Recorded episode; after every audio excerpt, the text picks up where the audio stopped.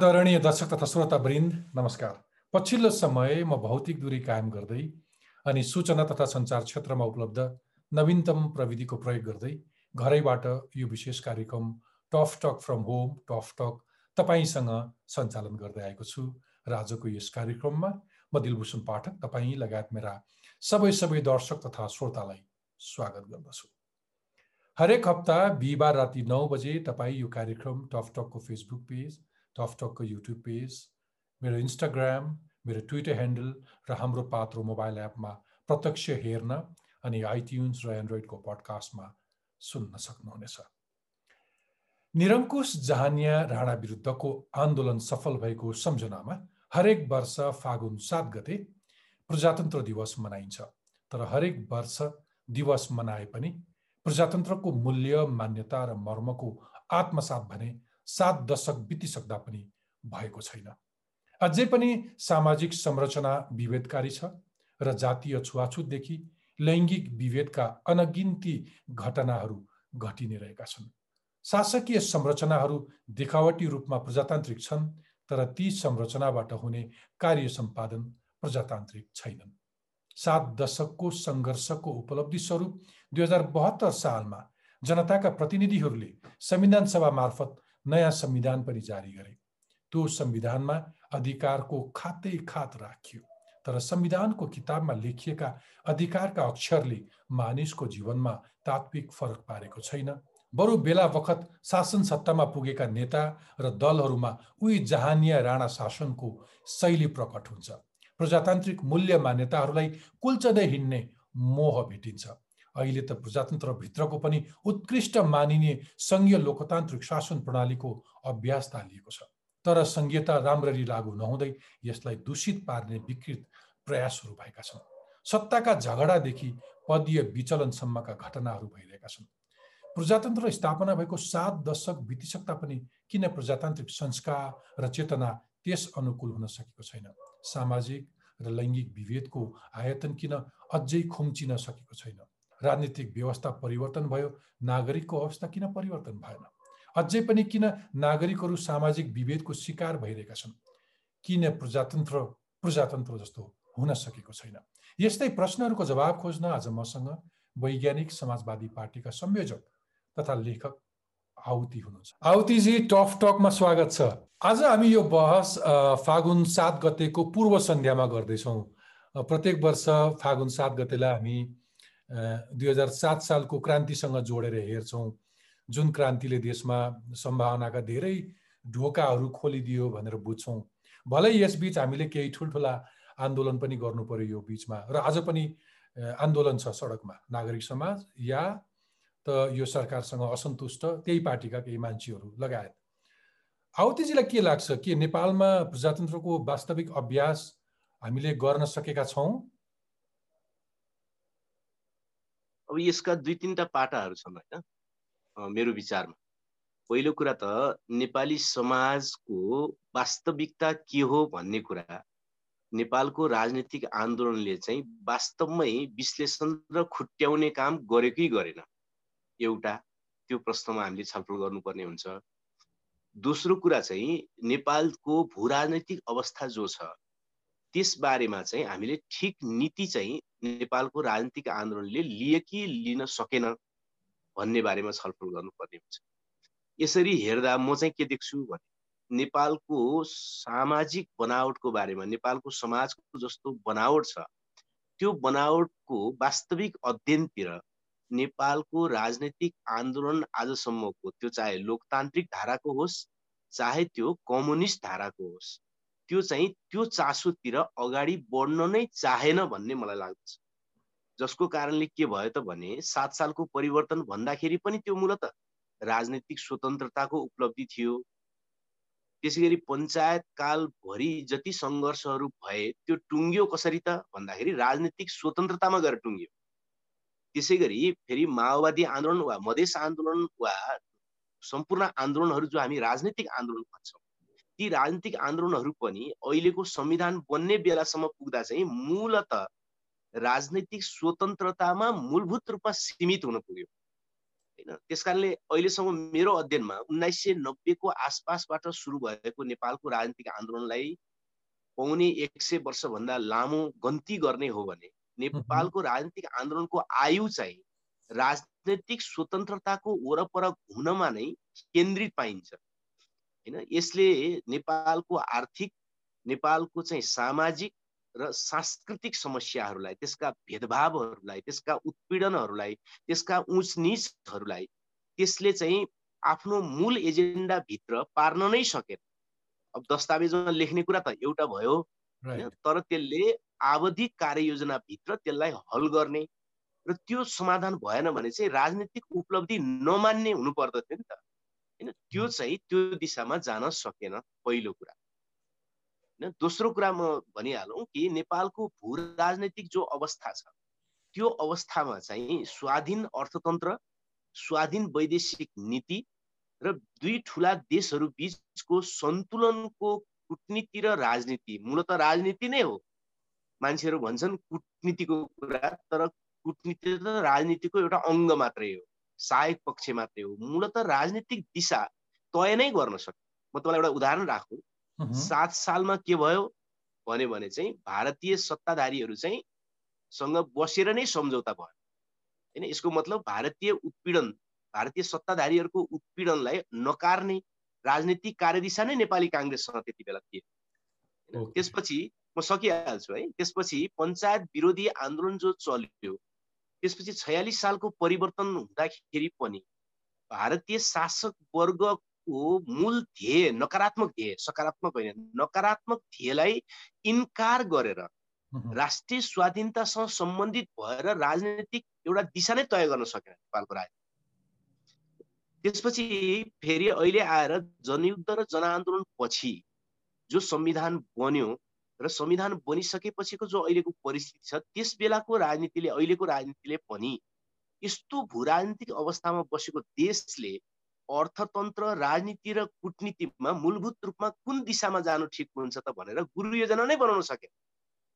यो दुईटा मुख्य समस्यामाथि नै मलाई लाग्दछ नेपालको लोकतान्त्रिक भन्नुहोस् वा कम्युनिस्ट आन्दोलन भन्नुहोस् त्यो मूलत राजनीतिक स्वतन्त्रता राजनीतिक स्वतन्त्रताको साथ घेराको वरपर मात्रै हामी सीमित हुन पुग्यौँ जसको कारणले अर्थतन्त्र पनि हाम्रो डामाडोल हुनु पुग्यो कुटनीति पनि हाम्रो डामाडोल हुनु पर्यो र राजनैतिक रूपमा सामाजिक रूपमा सरी सामाजिक रूपमा उच निच भेदभाव र तहगत संरचनाको समस्या पनि हाम्रो जिउका त्यौँ रहन पुग्यो।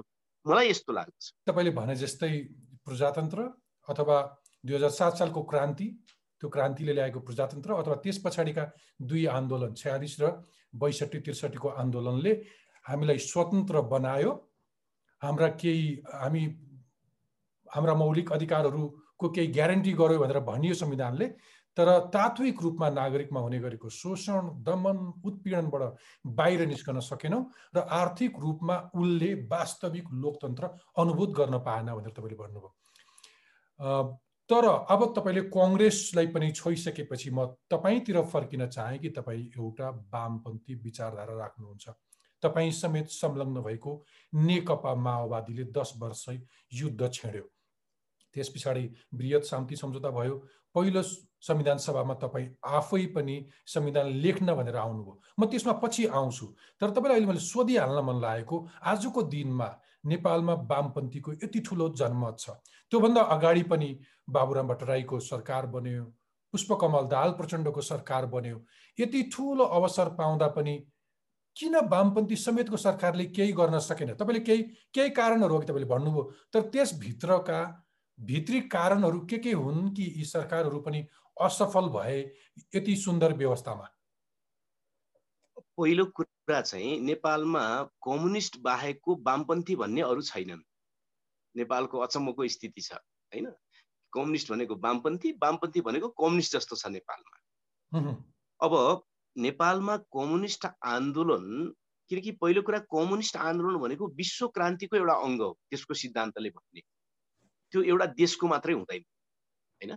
जसरी सामन्तवादका विरुद्ध पुँजीवादी क्रान्ति विश्व क्रान्तिको अङ्ग थियो त्यसै गरी साम्यवादी क्रान्ति वा कम्युनिस्ट क्रान्ति भनेको पनि एक देशको मात्रै होइन। त्यो विश्वव्यापी श्रृङ्खलाको एउटा अङ्ग हुन्छ। अब मेरो भनाइ चाहिँ अलिक फरक छ।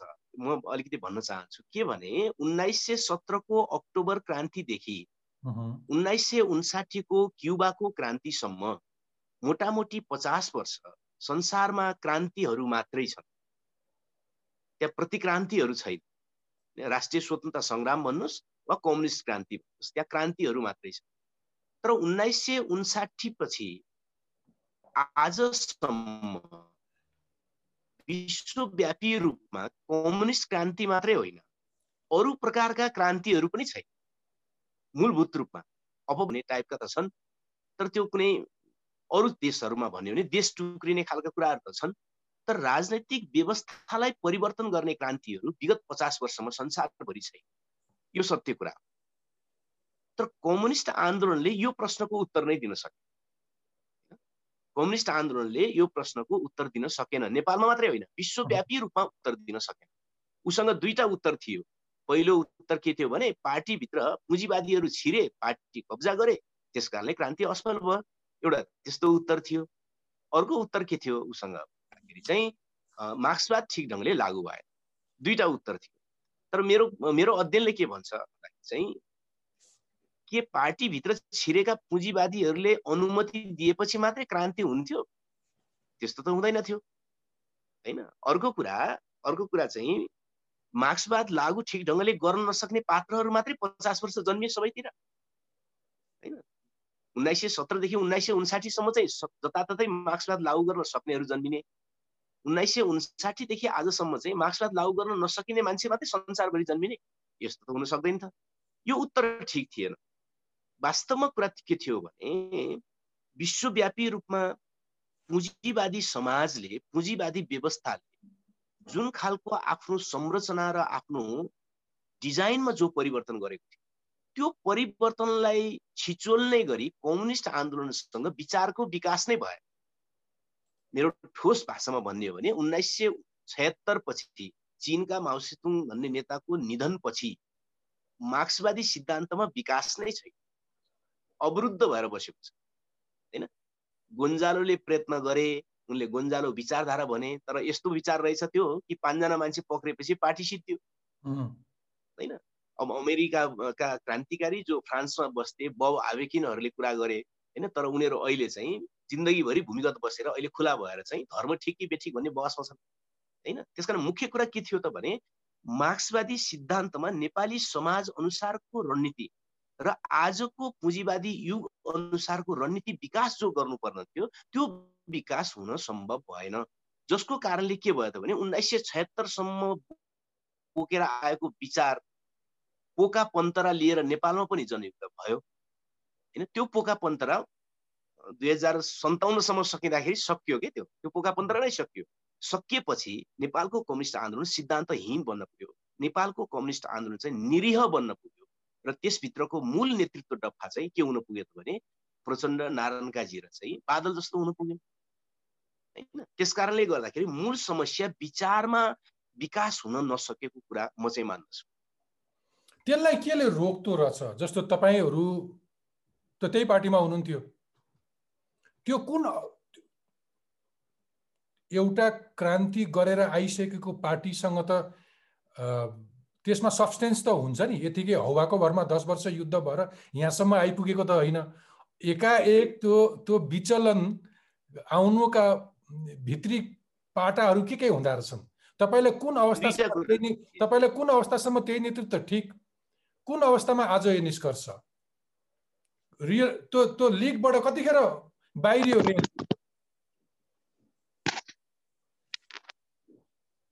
मेरो अध्ययनमा माओवादी युद्ध शान्ति प्रक्रियामा किन आएको थियो पहिला त्यहाँबाट अध्ययन सुरु गर शान्ति प्रक्रियामा आउँदाखेरि मूलत दुईटा कारणले आएको थियो एउटा यसरी नै लगातार युद्ध अगाडि बढाएर तत्काल जित्न अब सम्भव छैन एउटा निष्कर्ष त्यसको त्यस्तो थियो तर फेरि अहिलेसम्म लड्दाखेरि जो उपलब्धिहरू हुने सम्भावनाहरू जन्मिएका छन् महिला दलित जनजाति मुस्लिम लगायतका समुदायहरूको चाहिँ मागहरूलाई राष्ट्रिय राजनीतिमा ल्याउन सकिने गणतन्त्र जस्ता मुद्दाहरूलाई चाहिँ साँच्चै सफल पार्न सकिने र सामाजिक सुधारका थुप्रै मुद्दाहरू आर्थिक प्रगतिका थुप्रै मुद्दाहरूलाई पनि स्थापित गर्न सक्ने सम्भावना पनि जन्मिएको छ भने त्यसलाई स्थापना गर्न सक्ने सम्भावनातिर पनि जाउँ दोस्रो।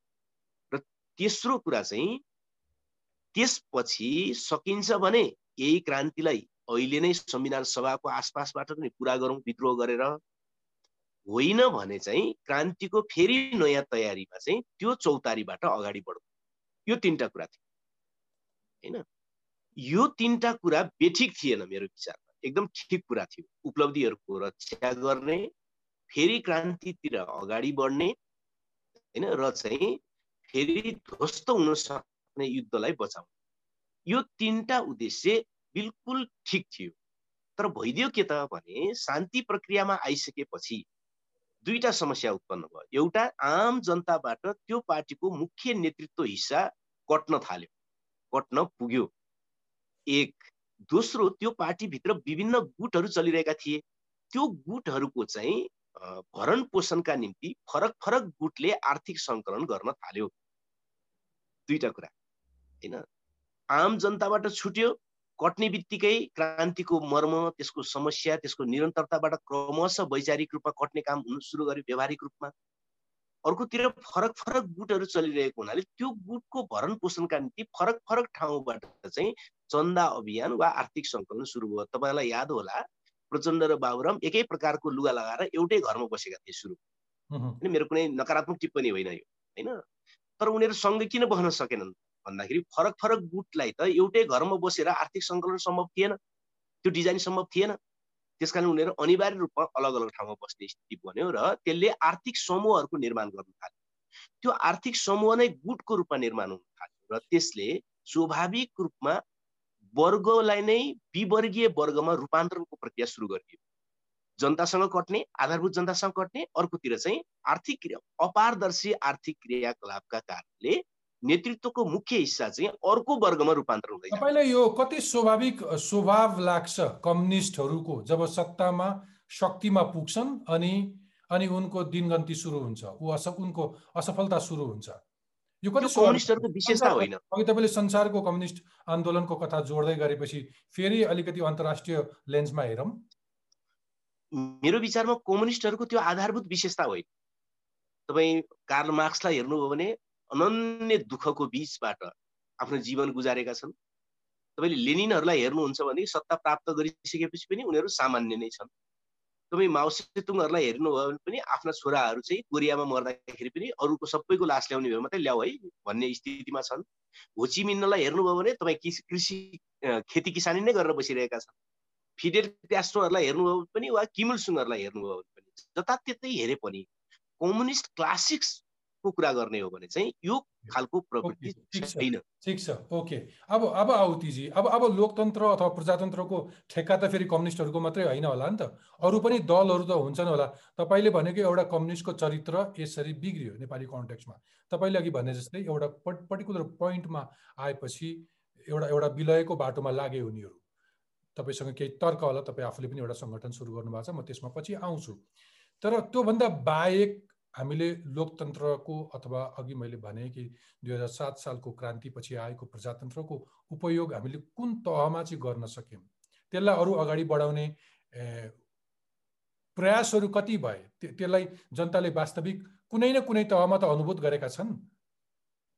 अब नेपालमा लोकतन्त्र लोकतान्त्रिक धाराको जब हामी कुरा गर्दछौँ होइन सात साल वरपर टङ्क प्रसादहरू वा शुक्रराजहरू दशरथ चन्द्रहरू इत्यादिको कुरालाई छोड्ने हो भने हामी एकैचोटि एउटै मात्रै व्यक्तित्व भेट्छौँ त्यो हो विश्वेश्वर प्रसाद कोइराला। होइन? विश्वेश्वर प्रसाद कोइरालालाई म के बुझ्छु त भने ऱ्याडिकल पुँजीवादी बुझ्छु। होइन? पुँजीवादी भनेको गाली गरेको कसैले मान्छ भने म ऱ्याडिकल अथवा सच्चा लोकतन्त्रवादी भनेर बुझ्छु भनेर भन्यो भने मनपर्छ होला मान्छे।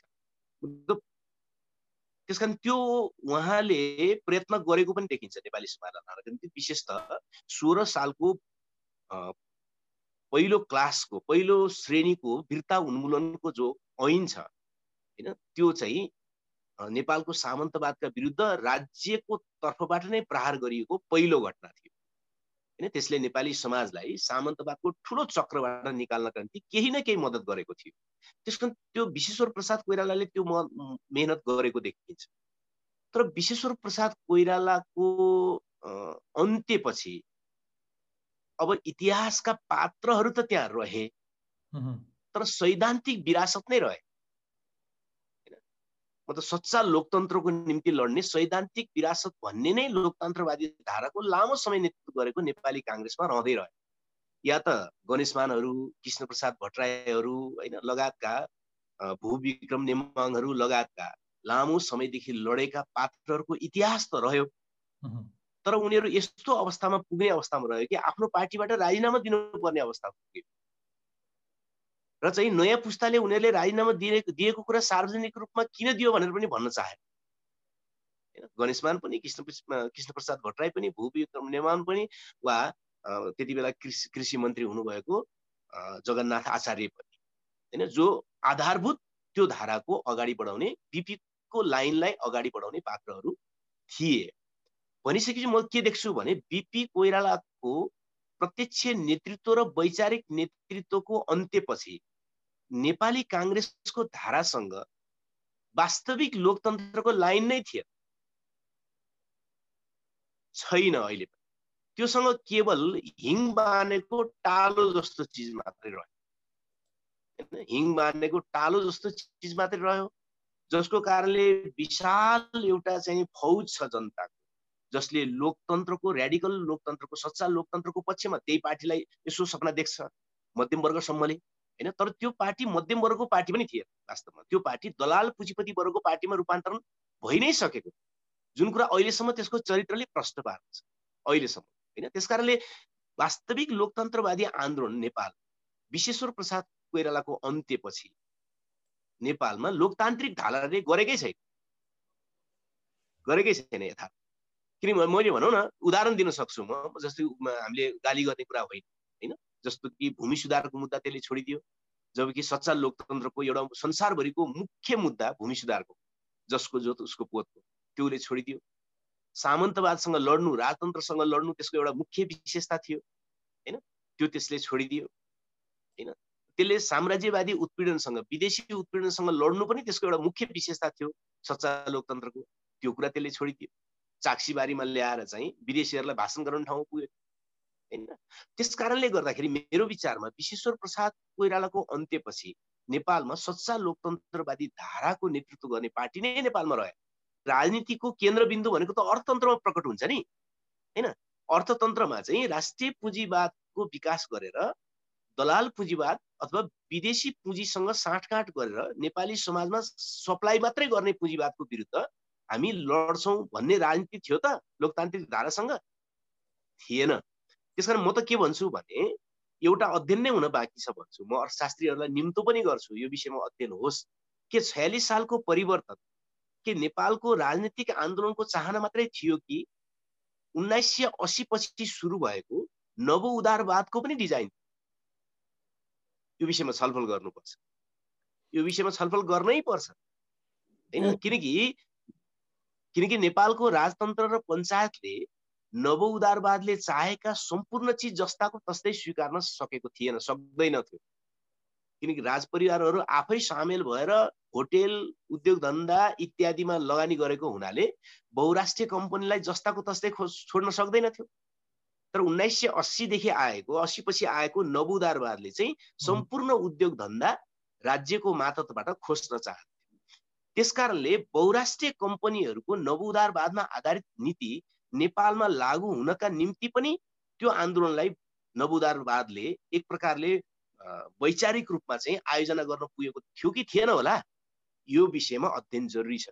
मेरो विचारमा यो मेरो प्रश्न पछाडि गम्भीर आवश्यकता छ छलफलको। तर फेरि सबैको फरक फरक किताका मानिसहरूको फरक फरक आन्दोलनहरूलाई अर्थ लगाउने आफ्नो आफ्नो तरिकाहरू छ जसरी नेकपा माओवादी स्वयंको जनयुद्धलाई पनि सबैको आफ्नो आफ्नो तर्क छ अघि तपाईँले चाक्सीबारीमा गएर कसैलाई बोलाएर विसर्जन गरियो भने जस्तै नेकपाको माओवादी जनयुद्ध कहाँबाट कसरी सञ्चालित थियो? अहिले सबैले सडकमा आएर बोलिरहेछन्। प्रधानमन्त्री स्वयंले त्यसकाल त्यस बेलाका तत्कालीन अध्यक्ष कहाँ बस्थे कसरी जनयुद्ध भयो कस कसको हात थियो भन्नेसम्मका पोलापोल चलिरहेछ। म त्यतापट्टि भन्दा पनि म अलिकति यो संवादमा अलिकति अनहर्ड भोइसहरू अलिकति माइनोरिटीलाई पनि को सवाल विषयहरूमा अलिक बढी छलफल गरौँ भन्छु। यो यो एउटा पक्ष थियो। मलाई अझ बढी उठाउन मन लागेको चाहिँ केही दिन अघि मात्रै दैलेखमा पश्चिम नेपालका दलित समुदायहरूले त्यो त्यो जातीय विभेद र दलित अधिकारको माग गर्दै ठुलो जनप्रदर्शन गरे। तपाईँ भन्नुहोस् दुई हजार सात सालमा हामीले त्यो क्रान्ति गऱ्यौँ। त्यतिखेर नै पनि पूर्वतिर हेर्नुभयो भने तपाईँको त्यो छुवाछुत विरुद्धको अभियान मोरले सबैतिर चलिसकेको थियो सँगै बस्ने खाने एक किसिमको अभियानहरू पनि चले। तर आज पनि छुवाछुत जस्तो कर्म रोकिएको छैन। मैले भने दुई हजार सात सालको क्रान्तिपछि यति ठुल्ठुला आन्दोलन भए। हामीले संविधानमा यति धेरै कुराहरू लेख्यौँ। तर संविधानमा लेखेर पनि केही हुँदो रहेनछ होइन? तपाईँले अघि भनेका क्रान्तिका केही उपलब्धिहरू तपाईँले कति कुराहरू आत्मसात अथवा त्यसलाई स्वीकार्न तपाईँले इन्डोर्स गर्न तपाईँलाई गाह्रो भए पनि फेरि पनि बिर्सिनु नहुने कुरा त के हो भने संविधानले प्रत्याभूत गरेको छ। तपाईँहरू लगायतका केही संविधान सभामा तपाईँ आफै सभासद हुनुहुन्थ्यो। मान्छेको इम्पुट त छ नि मान्छेको सङ्घर्ष बलिदान त छ नि त्यो दस्तावेज तयार गर्नसम्म त्यसले किन क्याटर गर्न सकेन? दुईटा कुरा हो भूषणजी। पहिलो कुरा तपाईँले चाहिँ संविधानमा चाहिँ इनपुट भएको छ भनेर जे भन्नुभएको छ त्यो कुरा सत्य होइन। संविधानमा आधारभूत मुद्दाहरूलाई सम्बोधन नै गरिएको छैन। नेपाली समाजको पिँधका समस्याहरू संविधानमा सम्बोधन गरिएको छैन। जस्तो म तपाईँलाई एक दुई तिन चार गरेर भन्छु।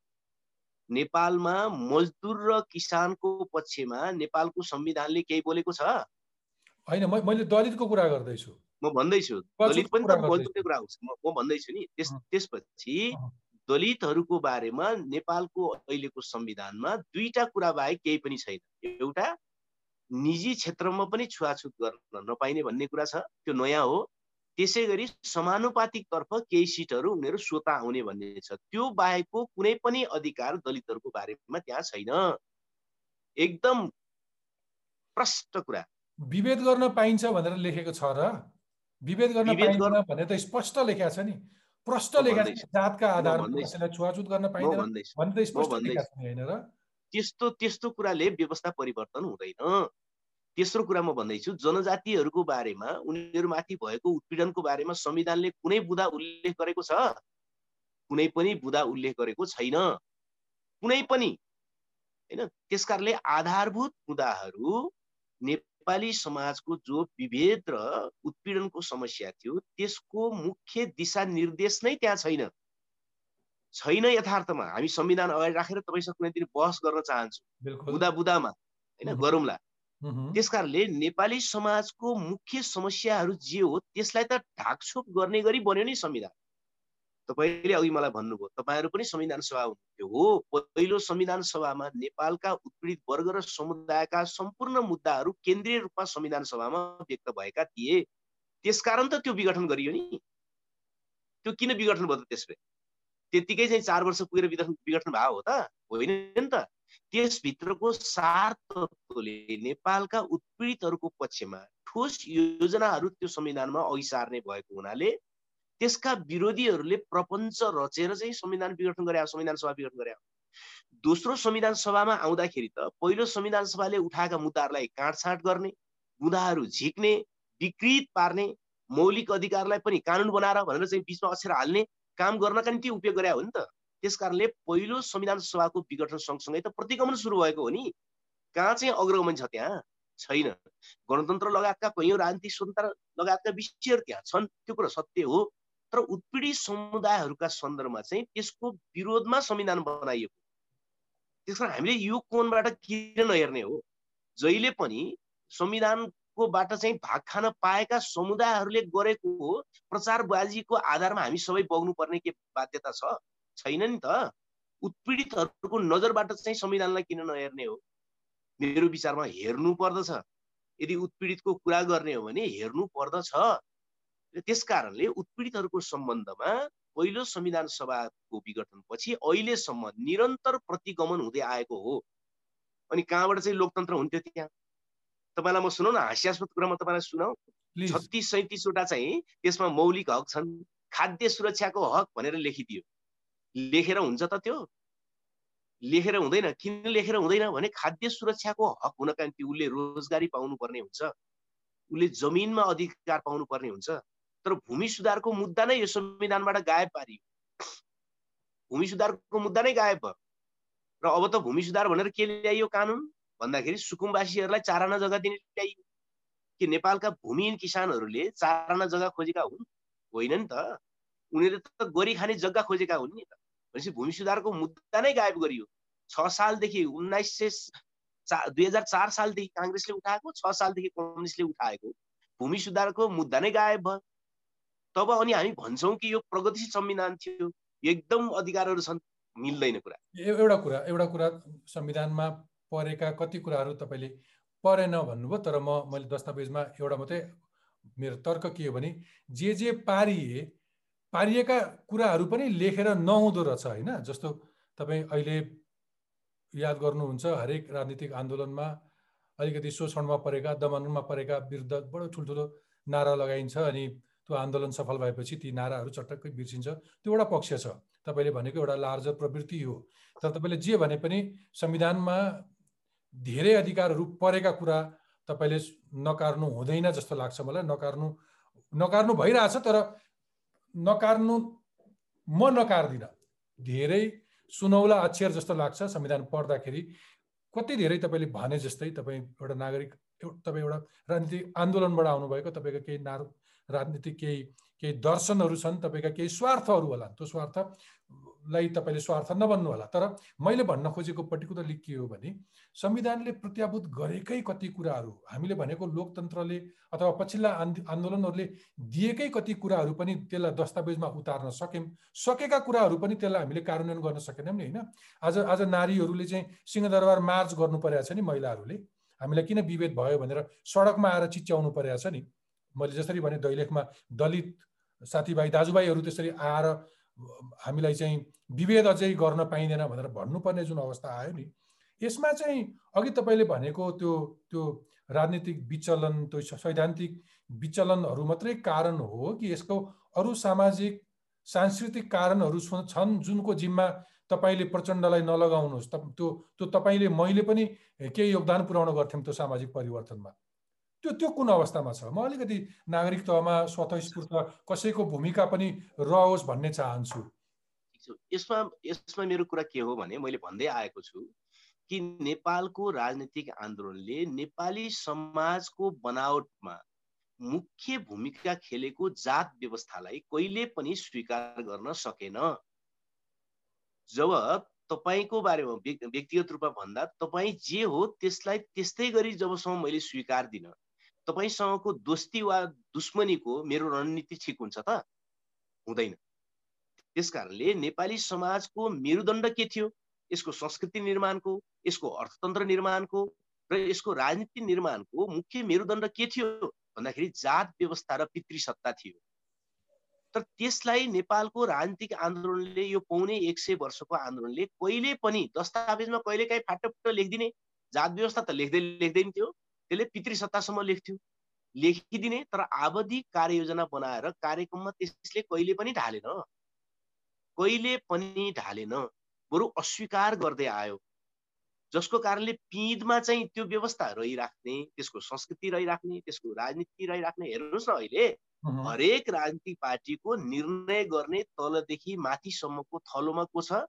पुरुष र कथित हिन्दू उच्च जातभित्रबाट आएका मान्छेहरूको हालिमुहाली छ यो त सत्य हो। बिल्कुल। तर उनीहरूलाई लाज पनि लाग्दैन त्यस्तो हुँदाखेरि। एक दिन होइन नि त पाउने एक सय वर्षसम्म त्यस्तो हुँदाखेरि पनि उनीहरूलाई लाज पनि लाग्दैन। त्यसमाथि आत्मालोचना पनि छैन। जब प्रशासनमा त्यस्तै छ एनजिओमा त्यस्तै छ होइन सबैतिर त्यही नै छ भने त त्यसको बारेमा राजनीतिले सम्बोधन गर्ने प्रयत्न गर्नु पर्यो नि त। त्यो गर्न त कोही तयार छैन। हुँदा हुँदा त के भयो त भने पार्टीहरू स्वयं जात व्यवस्थामा र पितृ सत्तामा आधारित बन्न पुगे। पार्टीको प्रत्येक कमिटी होइन त्यस कारणले त्यो जब कि समाजको जो आधारभूत संरचना थियो त्यो जस्ताको तस्तै रह्यो। र नि उपरि तहमा राजनीतिक स्वतन्त्रताको मुद्दा मात्रै हल गर्नतिर लाग्यो के?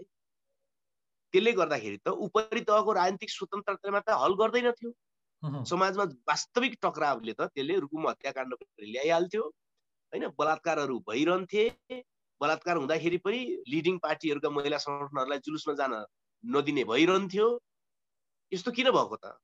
प्रष्टै छ नि त। नेपाली मैले सुरुमै भनेको थिएँ कि नेपाली समाजको जो मेरुदण्ड छ जात व्यवस्था र पितृ सत्ता त्योसँग चाहिँ नेपालको राजनीतिक आन्दोलनले ठिक विश्लेषण पनि गरेन। त्यसको विरुद्धको योजनाबद्ध सङ्घर्षलाई आफ्नो लाइन पनि बनायो जसको परिणाम हामी हामी आज सबैतिर भोगिरहेका छौँ। तर तर तपाईँले तपाईँले भने जस्तै यिनै मुद्दाहरूलाई अझ ठुलो कडा स्वरमा अझ ठुलो नारा बनाएर विभिन्न राजनीतिक दलहरू जन्मिए तिनले बहुमत प्राप्त गरे सरकारसम्म पुगे। बिचमा युद्ध छेडेर आए सबैले क्रान्ति गरे यो त हामीले देखिरहेछौँ। तपाईँ र म अलिकति अलिकति बृहत म कहाँनिर कुरा गर्न खोजेँ भने तपाईँले अघि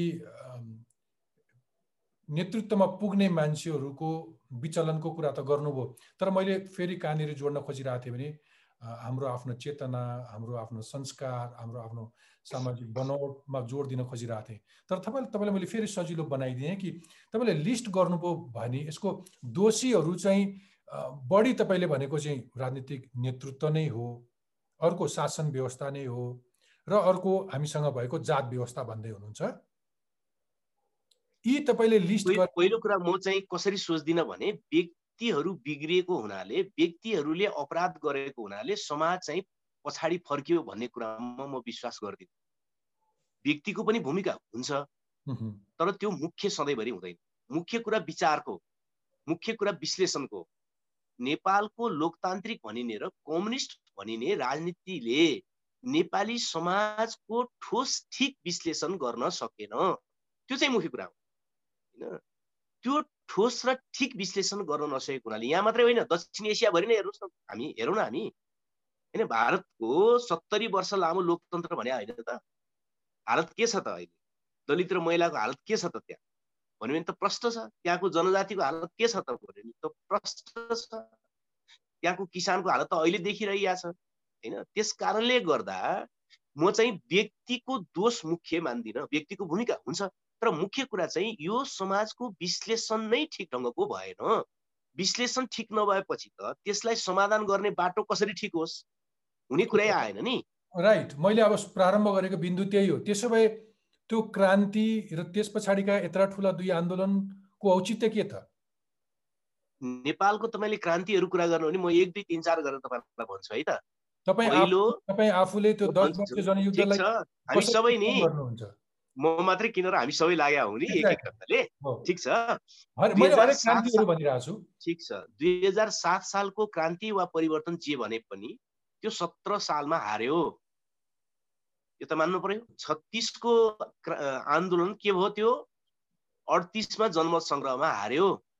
दुई छयालिसको परिवर्तन के भयो? राजा ज्ञानेन्द्रको प्रतिगमनसँगै हार्यो। माओवादी जनयुद्ध शान्ति प्रक्रियामा आएर नेतृत्व मण्डली दिशाहीन भएपछि हार्यो।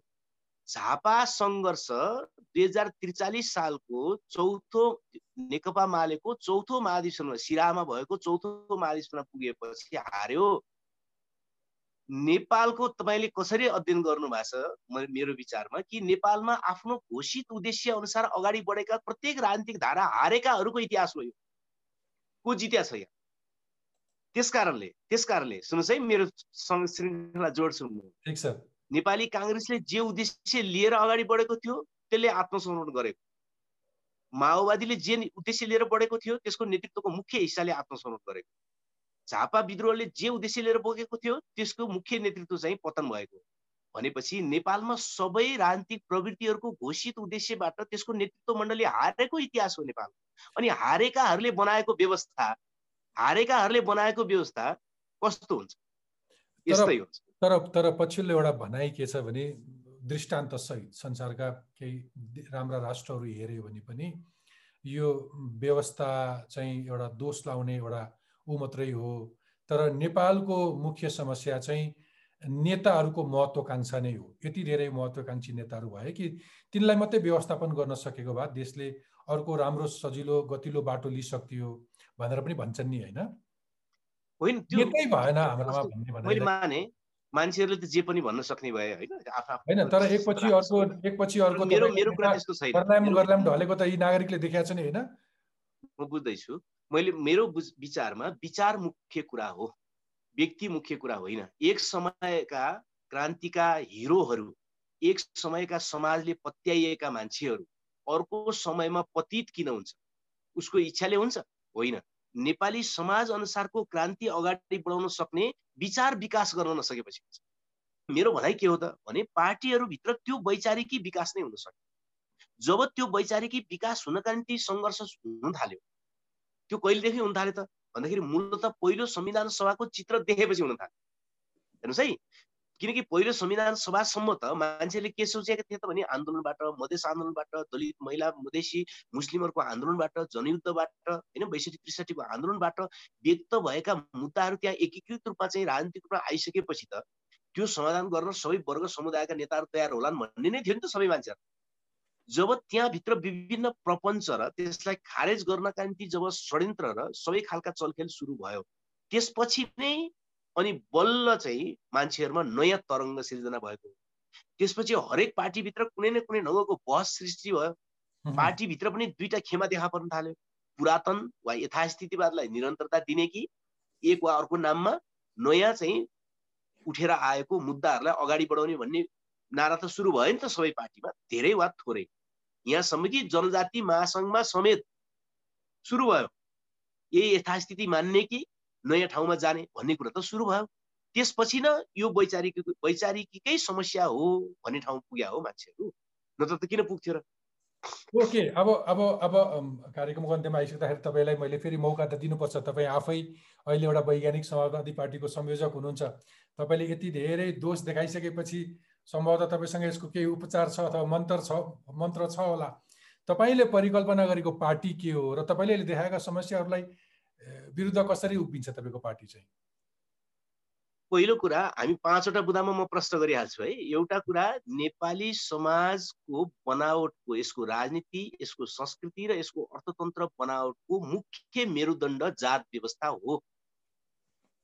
त्यस कारणले नेपाली समाजलाई बुझ्नका निम्ति नेपालका जनजातिहरूलाई पनि राज्यले हेर्दाखेरि चाहिँ जात भनेर हेरे हो जनजाति भनेर हेरे हो त्यस कारणले जात व्यवस्थामा आधारित भएर नेपालको वर्गहरू निर्माण भए नेपालको अर्थतन्त्र निर्माण भयो र नेपालको संस्कृति निर्माण भयो। त्यस कारणले हिजो पनि सामन्तवादका विरुद्ध लडाइँ हुँदाखेरि जात व्यवस्थाको विरुद्ध लडाइँ हुनु पर्थ्यो त्यो हुन सकेन। आज पुँजीवादका विरुद्ध सङ्घर्ष गर्ने हो भने पनि जात व्यवस्था र पितृ सत्ताको विरुद्ध पनि एउटा प्रमुख एजेन्डा बनाउनु पर्दछ पहिलो कुरा। यो हाम्रो नवीन विश्लेषण हामीले अगाडि सारेका हौँ। यसबारे छलफल हुन सक्छ दोस्रो व्यक्तिहरू बिग्रिएको हुनाले नेपालको वामपन्थी आन्दोलन वा लोकतान्त्रिक आन्दोलन बिग्रियो भन्ने कुरा हामी मान्दैनौँ। व्यक्ति बिग्रिनु परिणाम हो कारण होइन। कारण चाहिँ नेपाली समाज र विश्व समाजलाई अगाडि बढाउने विचारधाराको विकास हुन नसक्दाखेरि विचारधाराको विकास गर्न नसक्दाखेरि यो समस्या आएको त्यस कारणले विचारधारा विकास गरेर उत्तर दिनुपर्छ। फलानु मान्छेहरू बिग्रे हामी चाहिँ ठिक छौँ हामी क्रान्ति गर्छौँ भनेर समस्या हल हुँदैन। हल चाहिँ ठिक विचार विकास गरेर मात्रै हराउन सक्छ भने हामी अगाडि सारेका छौँ र त्यो विचार के हो त अहिले भन्न सक्दिनँ म। तर म हामी बिस्तारै छलफल गर्दै जाउँला। तेस्रो कुरा चाहिँ के त भने आजको पुँजीवाद चाहिँ विगत सय वर्ष अगाडिको पुँजीवाद जस्तो होइन। विज्ञान प्रविधिमा आधारित भएर यसले संसारभरिका पुँजीपतिहरू एक ढिक्का हुने स्तरको पुँजीवाद हो। त्यस कारणले त्योसँग लड्नका निम्ति पनि ने श्रमिक वर्गले वा न्याय प्रेमीहरूले आजको युग अनुसारको नयाँ रणनीति विकास गर्नुपर्छ। तेस्रो कुरा चौथो कुरा नेपालमा चाहिँ दलाल पुँजीवाद चाहिँ मुख्य रूपमा छ। यो चाहिँ औद्योगिक पुँजीवाद होइन यो प्रगतिशील पुँजीवाद होइन किनकि सबैलाई थाहा छ पुँजीवादले चाहिँ आनन्द केमा मनाउँछ भने सामान उत्पादनमा मनाउँछ। होइन सामान उत्पादन गर्न पाउँदाखेरि पुँजीवाद असाध्यै खुसी हुन्छ। तर नेपालको पुँजीवाद कस्तो छ त भने सामान उत्पादन नगर्दाखेरि आनन्दित हुन्छ। यो विदेशमा उत्पादित भएको सामान यहाँ सप्लाई गर्दाखेरि आनन्दित हुन्छ। त्यस कारणले यो दलाल पुँजीवाद यो प्रगतिशील पुँजीवाद होइन। त्यस कारण यो दलाल पुँजीपति वर्ग र दलाल पुँजीवादी व्यवस्थासँग नेपाली सङ्घर्ष नेपाली जनताको अब मुख्य सङ्घर्ष हुनुपर्दछ होइन? यी कुराहरू सहित हामी अगाडि बढ्न खोजिरहेका छौँ। अब तपाईँको यो कार्यक्रम मार्फत त सबै कुरा एउटा राज्य सञ्चालनमा अथवा अलिकति बृहत्तर रूपमा नागरिकले कुनै लोकतन्त्र अथवा प्रजातन्त्र अथवा तपाईँले भनेको समाजवाद अनुभूति गर्नका लागि राज्यका केही टुल्सहरू हुन्छन् ती टुल्सहरूलाई यथोचित प्रयोग गर्न नसक्ने अनि फेरि ठुल्ठुला महत्त्वकाङ्क्षी नाराहरू मात्रै लगाउने अनि फेरि त्यो व्यवहारमा गएपछि चाहिँ त्यो कुनै परिणाम दिन नसक्ने स्वभाव त फेरि हरेक कम्युनिस्ट नेताहरूमा देखिन्छ। अक्सर लार्जर मान्छेहरूको भनाइ नै स्थापित भइसक्यो कि अब कम्युनिस्ट नेताहरूले ढाँट्न बाहेक केही पनि जान्दैनन् भनेर। त्यसकारण तपाईँले ढाँटिरहनु भएको छैन भनेर पत्याउने कसरी? किनभने तपाईँभन्दा अगाडिका विभिन्न नेताहरू विभिन्न रूपमा देउताकै रूपमा पनि नागरिकहरूले पत्याएको त हो। सिङ्गो युद्ध सफल पारेर बहुमत दिएर उच्च स्थानमा पुर्याएको पनि यो नेतृत्वमा। तर फेरि असफल भएको त हो। त्यही श्रृङ्खला नदोरिएला भन्ने आधार के छ? त्यसमाथि तपाईँ प्रश्न सबभन्दा पहिले जायज छ। एकदम एकदम। तपाईँको प्रश्न एकदम जायज छ। होइन जायज प्रश्नलाई म सम्मान गर्छु। त्यस कारण मैले के भन्छु भने मार्क्सवादी आन्दोलन वा कम्युनिस्ट आन्दोलनलाई विज्ञान भन्छौँ हामी। होइन विज्ञान हो भने मैले प्रयोग गर्दाखेरि क्रान्ति हुने मैले देख्ने तर तपाईँले गर्न नसक्ने हुन मिल्दैन।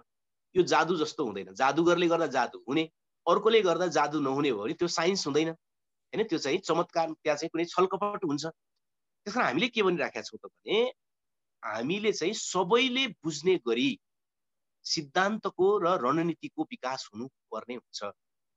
सबैले बुझ्ने गरी र सबैले त्यसलाई विज्ञानको रूपमा ग्रहण गर्न सक्ने सक्ने गरी हुन्छ। मैले गरेँ भने चाहिँ लागु हुने अर्काले गर्यो भने चाहिँ लागु नहुने खालको जो आजसम्मको जो परिपाटी चल्यो त्यो गलत छ। त्यस कारण हामी के भनिराखेका छौँ त भने हामी नयाँ युगको नयाँ कम्युनिस्ट आन्दोलन नयाँ युगको नयाँ देशभक्तिपूर्ण आन्दोलन नयाँ युगको नयाँ श्रमजीवी आन्दोलन हुनुपर्ने हुन्छ। किनकि पुरानो युगको आन्दोलनको रणनीतिले नयाँ युग ढाल्न सक्दैन। किनकि आजसम्म विकसित सबै सिद्धान्तहरू पुँजीवादतर्फको लोकतान्त्रिक सिद्धान्त पनि र कम्युनिस्ट सिद्धान्त पनि त्यो कहिलेको हो त भने बहुराष्ट्रिय कम्पनीहरू हुनुभन्दा पहिलेको हो। कम्प्युटर र इन्टरनेट आउनुभन्दा पहिलेको हो।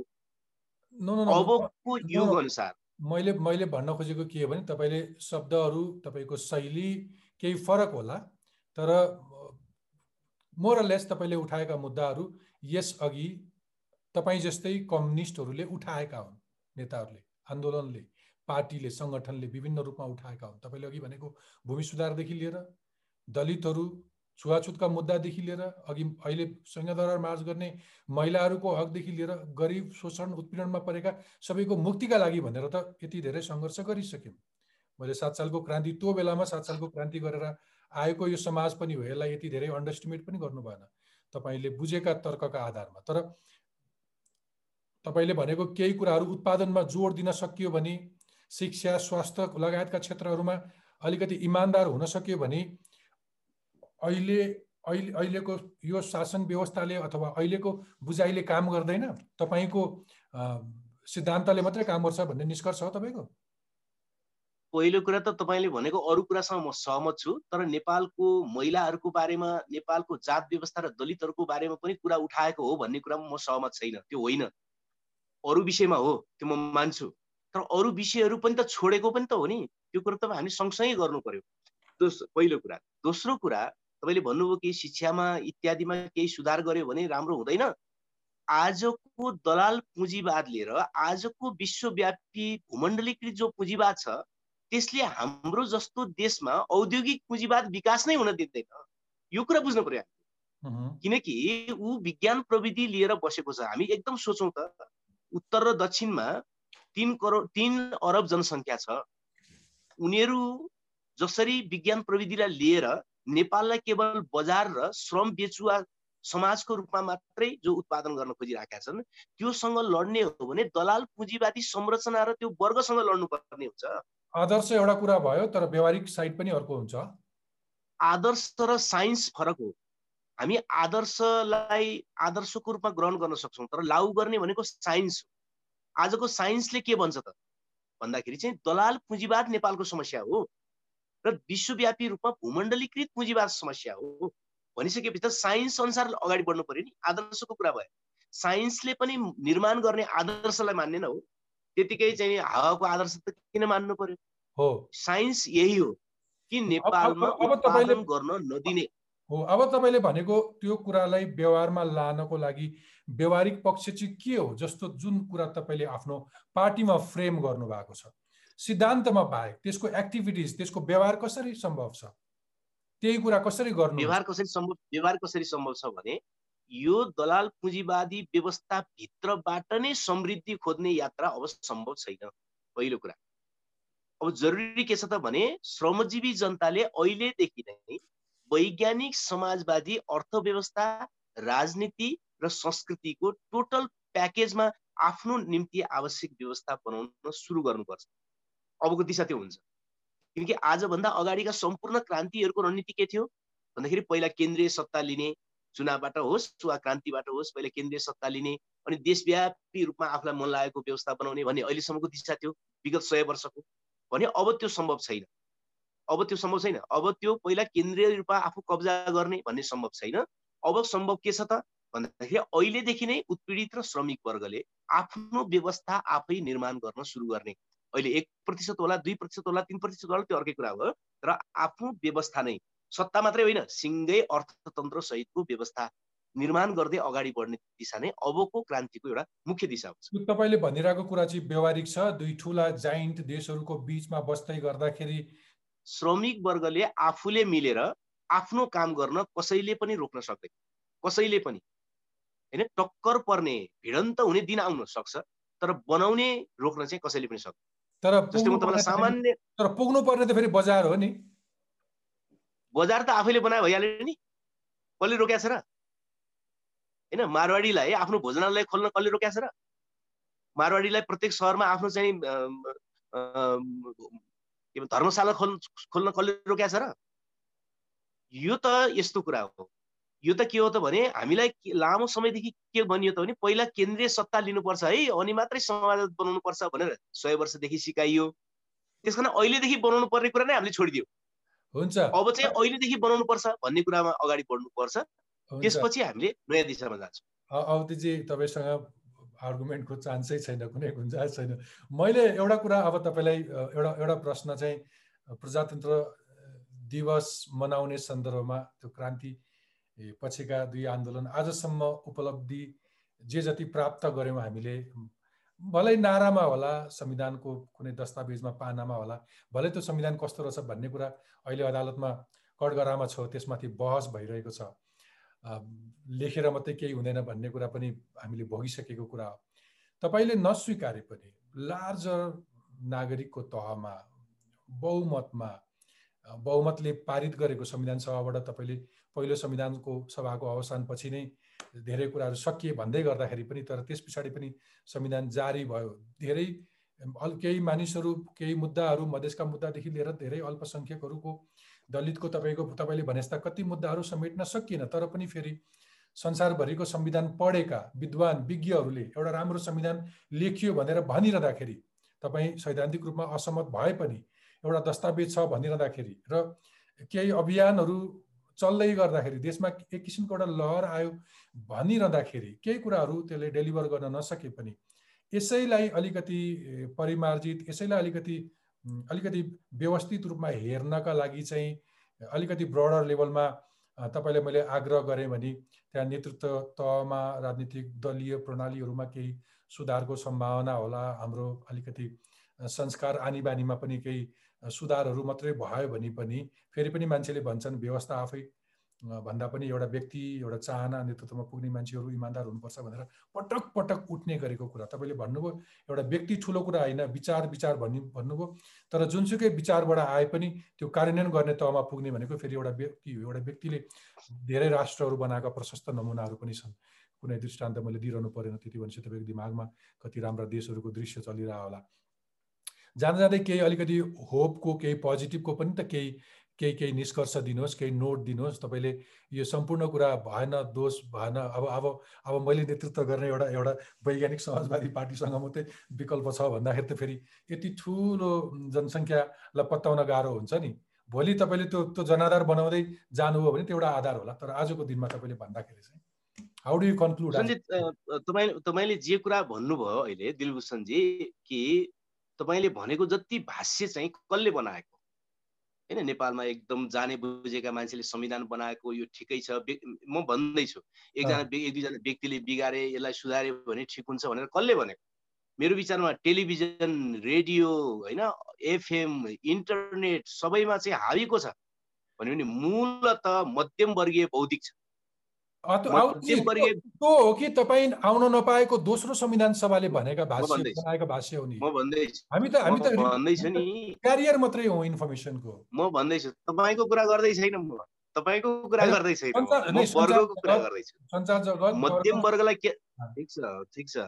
मध्यम वर्गलाई के लागेको छ? मध्यम वर्गलाई के लागेको थियो अहिलेसम्म भने यसैबाट चाहिँ सुधार हुन्छ भन्ने उसलाई लागेकै हो। त्यस कारणले ऊ त्यो त्यो भाष्य उसले प्रचार गर्यो। तर म तपाईँ मलाई भोज खान डाक्नुहुन्छ। एकछिन मलाई बोल्न दिनुहोस्। दिलभूषणजी मिल्दैन यसरी। बोल्न दिनुहोस्। बोल्न दिनुहोस्। तपाईँले मलाई भोज खान बोलाउनुहुन्छ भने तपाईँले मलाई भोज खान बोलाउनुहुन्छ भने तपाईँले मलाई के भन्न मिल्दैन भने मेरो जिब्रोले चाख भन्न मिल्दैन होइन? तपाईँले मलाई बोल्न बोलाउनुहुन्छ भने मेरो ओठबाट बोल भन्न। म त मेरो ओठले बोल्छु। आशयको कुरा गर्दिनँ। म मेरो कुरा गर्छु। तपाईँको आशय त राम्रो छ नि। म मेरो कुरा गर्छु कि यहाँ त के भनिँदैछ त भने उत्पीडितहरू शोषितहरू तिन करोड तिन करोड जनसङ्ख्या भएको देशमा पाउने एक करोड मान्छेहरू विदेशमा पुगेका मानिसहरूलाई मध्यम वर्गको आँखाबाट हेर भनिँदैछ। मध्यम वर्गको जिब्रोबाट यो व्यवस्थालाई चाख भनेर भन्न खोजिँदैछ। कसरी मिल्छ? मिल्दैन। श्रमिक वर्गको जिब्रोले चाख्नुपर्छ यो व्यवस्थालाई। एक रुपियाँ भाउ घट्यो। भनाओस् भन्नुहोस् मलाई कुनै विद्वानले। कसैले कर्मचारी तन्त्रमा गएर घुस नखाइकन काम गर्न पायो? भन्नुहोस् कुनै विद्वानले? न्यायाधीशले भनोस् आफू मध्यम वर्गमा पुगेको सान सौकत रक्षा गर्नका निम्ति बोलेर पुग्छ। पाउने एक करोड नेपालीहरू जो विदेश गएका छन् उनीहरूलाई भनोस् यो व्यवस्थाले एक रुपियाँ घटाइदियो। यो व्यवस्थाले भनिदियोस् कि कोरोनाको बिचमा पनि तिमी घर फर्किँदा आनन्दसँग आउने दिन आयो तिम्रो ब्याङ्क ब्यालेन्स बढ्यो तिम्रो ब्याङ्कमा दुई रुपियाँ थपियो। सङ्कटमा भन्न सक्छ? कुनै भूमिहीन किसानलाई तिमीलाई जमिन दिन्छु भनेर भन्न सक्छ? कुनै मध्यम वर्गको विद्वानले? भन्नु सक्दैन भने आफ्नो भाष्य प्रचार गरेर हल हुन्छ समस्या। समस्या हल हुँदैन। त्यस कारणले मेरो कुरा के छ भने भोजमा बोलाउने हो भने यो व्यवस्थाको बारेमा कुरा गर्न बोलाउने हो भने मेरो ओठ अनुसार कुरा गर्ने हो मेरो ओठबाट कुरा गर्ने समीक्षाको निम्ति तयार हो। सबै समीक्षाको निम्ति तयार हुनु। नो डाउट नो डाउट तर तपाईँले भनिरहँदाखेरि फेरि जनता त तपाईँले अघि भनिरहेका जी जो मानिसहरू छन् तिन त तिनीहरू त फेरि निराश भइसक्यो नि ती त फेरि थकित भइसक्यो नि। एकपछि अर्को राजनीतिक दल एकपछि अर्को क्रान्ति गर्दा गर्दा थकित भइसक्यो यो चाहिँ फेरि नन एन्डिङ प्रोसेसै हुने भयो। तपाईँले अघि भन्नुभएको थियो आशावादी त काहीँ छैन त भन्नुभएको थियो होइन? हाम्रो जस्तो देशमा हाम्रो जस्तो देश मात्रै होइन संसारभरिका उत्पीडित राष्ट्रहरूको निम्ति उनीहरूको निरन्तर सङ्घर्षमा मात्रै उनीहरूको खुसी छ। निरन्तर सङ्घर्षको बाटो बनाउँदाखेरि मात्रै उनीहरूको आशावादिता छ अन्त छैन। एकदम प्रष्ट कुरा। कि नेपालको मात्रै इतिहास नहेरौँ संसारभरिको इतिहास हेरौँ जसलाई तेस्रो देशका मुलुक भनेर भनिएको थियो उनीहरू सबैको भाग्य भविष्य नयाँ सङ्घर्षको विकास गर्नुमा मात्रै छ। कसले दिन्छ उनीहरूलाई कसले दिन्छ भन्नु न? बहुराष्ट्रिय कम्पनीले के चाहिँ दिन्छ अब यो उत्पीडित राष्ट्र? केही पनि दिँदैन। नेपालीहरूलाई के दिन्छ यसले? कहाँबाट दिन्छ यसले? दिँदै दिँदैन। तपाईँसँग भएको कृषि जमिन समेत कब्जा गर्न आइसक्यो। तपाईँसँग भएको जलस्रोत पनि एमसिसीबाट कब्जा गर्न आइसक्यो। एम सारा सबैलाई थाहा छ यो कुरा। केही पनि दिँदैन यो तेस्रो मुलुकलाई तेस्रो विश्व भनिने मुलुकलाई भनिसकेपछि सङ्घर्षमा आम जनताले आफ्नो बाटो निर्माण गर्नका निम्ति आफैले सङ्घर्ष गर्ने नयाँ बाटो निर्माणमा मात्रै भविष्य छ। उनीहरूको चाहिँ आशावादी छ। अन्त कहीँ हुन्छ। आवतीजी तपाईँ व्यस्त हुनुहुन्थ्यो। तपाईँ आफ्नो पार्टीको कामको सिलसिलामा बाहिर जाँदै हुनुहुन्थ्यो। तपाईँले मलाई महत्त्वपूर्ण समय दिनुभयो र यो विचारका लागि तपाईँलाई धेरै धेरै धन्यवाद। पछि फेरि कुनै संवाद गर्दै गरौँला। हजुर भूषणजी तपाईँलाई पनि नमस्कार। थ्याङ्क यू नमस्ते। टकमा अब तपाईँको प्रश्न। नमस्ते मेरो नाम सर्जु श्रेष्ठ बागमती प्रदेश काठमाडौँ जिल्लाबाट। मेरो प्रश्न चाहिँ सम्बन्धित अधिकारीहरूलाई छ। डेमोक्रेसीमा चाहिँ रेस्पेक्ट फर रुल अफ ल चाहिँ एउटा मेन फिचर हो तर अहिलेको पोलिटिकल सिनारी हेर्दा चाहिँ त्यसको चाहिँ उल्लङ्घन भएको पाइन्छ र डेमोक्रेटिक गभर्मेन्ट्समा गभर्नेन्समा चाहिँ इन्डिभिजुअलको राइट्सहरू फ्रिडमहरू प्रोटेक्ट गरिनुपर्छ भन्ने लेखेको छ। तर बेला बेलामा पब्लिक इन्स्टिट्युसनहरूले चाहिँ इन्डिभिजुअलको फ्रिडम राइट्सहरू रोक्ने खालका किन नियम र प्रस्तावहरू चाहिँ ल्याउँछन्? र अहिले के नेपालमा डेमोक्रेसीको आडमा चाहिँ अटोक्रेटिक गभर्मेन्ट फलो भइरहेको हो त? यसलाई किन हेरिएको छैन? धन्यवाद। दुई हजार छलिस छयालिस सालको ऐतिहासिक जनआन्दोलनले देशमा प्रजातन्त्रको पुनर्बाली त भयो तर यसले खासै महत्त्व पाउन किन सकिरहेको छैन? बाहिर प्रजातन्त्रको माला जप्ने तर भित्रभित्रै प्रजातन्त्रको हक अधिकारलाई किन बन्देज लगाइँदैछ? खबरदार जनताको हक अधिकारसँगै प्रजातन्त्रको घाँटी निमट्ने काम कोही कसैले पनि गर्न पाइने छैन। हस् त धन्यवाद। नमस्ते मेरो नाम सन्दीप घती सुदूरपश्चिम प्रदेश कैलाली जिल्लाबाट मेरो प्रश्न सम्बन्धित निकायलाई यो छ कि हाम्रो देशमा जहिले बजेट विनियोजन हुँदा पुँजीगत खर्चका लागि भनेर केही रकम छुट्याएको हुन्छ तर उक्त रकम जहिले खर्च नभई फ्रिज हुने अवस्था रहेको छ। पैसा दिन्छौ खर्च गर भन्दा पनि पैसा खर्चै गर्न नसक्ने अवस्था हाम्रो देशमा रहेको छ। के यो के कारणले होला? के सङ्घीय सरकार प्रदेश सरकार र स्थानीय सरकार तालमेल नमिलेर हो या उच्च अवधामा बस्ने या नीति निर्माण गर्ने व्यक्ति असक्षम भएर हो? अबदेखि टकटकमा तपाईँ आफै पनि प्रश्न राख्न सक्नुहुनेछ। सरकारमा बस्ने हुन् वा प्रशासन चलाउने। सार्वजनिक ओदामा बस्ने हुन् वा समाजका जिम्मेवार व्यक्ति? तपाईँ जसलाई पनि प्रश्न गर्न सक्नुहुनेछ उत्तर नआउन पनि सक्छ तर प्रश्नको प्रभाव अनेक किसिमले परिरहेकै हुन्छ। आजै आफ्नो मोबाइल उठाउनुहोस् क्यामेरा अन गर्नुहोस् नाम र ठेगाना भन्नुहोस् र कसलाई के प्रश्न हो आधा मिनटभित्रमा सोध्नुहोस् र हामीलाई पठाउनुहोस्। आइएनटिइआरएफएसिइएनइपी एट जिमेल डट कम र टिओयुजिएच टिएएलके number one at Gmail dot कम हामी सबैभन्दा राम्रो प्रश्नहरूलाई कार्यक्रममा समावेश गर्नेछौँ। हवस् त अर्को हप्ता यसरी नै जनजीविकाका सवालमा प्रत्यक्ष सरोकार राख्ने समसामयिक विषयका साथ भेटौँला। टफटकको युट्युब तथा फेसबुक पेजमा प्रतिक्रिया लेख्न तथा सब्सक्राइब गर्न नभुल्नुहोला। स्वस्थ रहनुहोस् सुरक्षित रहनुहोस्। आजलाई बिदा दिनुहोस्। नमस्ते शुभरात्रि।